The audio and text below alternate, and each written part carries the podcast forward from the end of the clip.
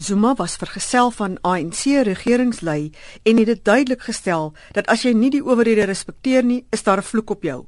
'n Man wat selfs al op 'n keer gesê dat die ANC sal regeer tot Jesus se wederkoms. Zuma wou in 2008 die verdeeldheid in die ANC in die Wes-Kaap op so 'n manier oorkom.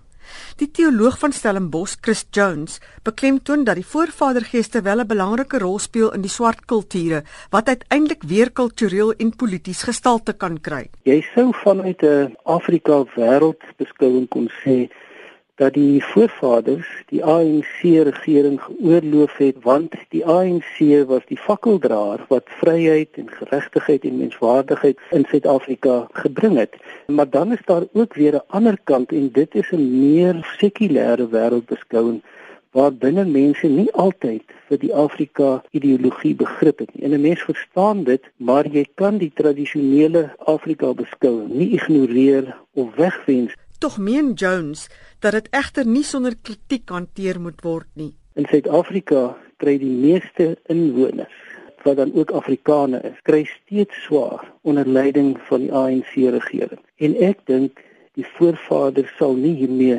tevrede wees nie. Soos wat ek dit verstaan, binne die Afrika ideologie sal hulle dit kritiseer. Ek dink iemand soos president Zuma moet pasop om nie hierdie ideologie te misbruik in belang van die ANC nie.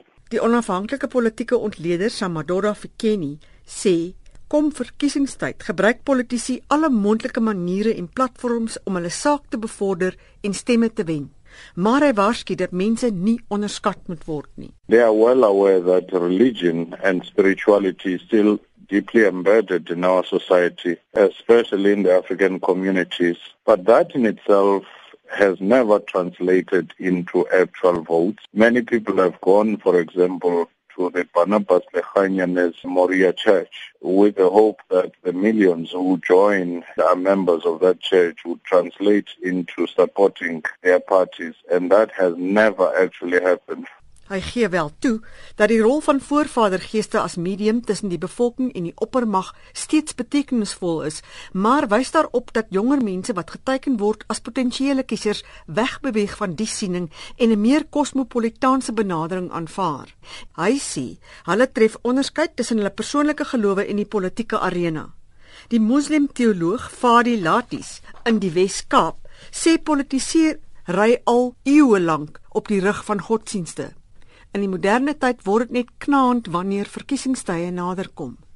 Hy meen die geloof in voorvadergeeste is belangrik, maar dat dit nie misbruik behoort te word nie. Ek respekteer al my kultuur en my voorvaders wat hulle van my gelos het in terme van geloofsbelijdenis en so voort, maar wil dit sê alles wat hulle gedoen het wat noodwendig reg. Dis vir my iets anders, maar as dit gebruik word as 'n oortuiging om mense oor te wen om kiesers te word van die party, dan dink ek dis 'n problematies vir my. Die direkteur van die F.W. de Klerk Stichting, Dave Stewart, sê daar is geen verbintenis in die grondwet hoegenaamd tussen die staat en enige kerk of godsdienstige instansie nie. Dit beskerm alle Suid-Afrikaners om hulle godsdienste uit te leef. Ons was 'n bietjie bekommerd omdat die president duidelik onder die indruk was dat daar een of ander spesiale verbintenis is tussen die staat en die kerk. Dit is nie die geval nie. En ook die idee dat diegene wat die staatsgesag beledig, is eintlik skuldig aan 'n tipe sonde. Dave Stewart, die direkteur van die FW de Klerk Stichting, Mitsi van der Merwe in Johannesburg.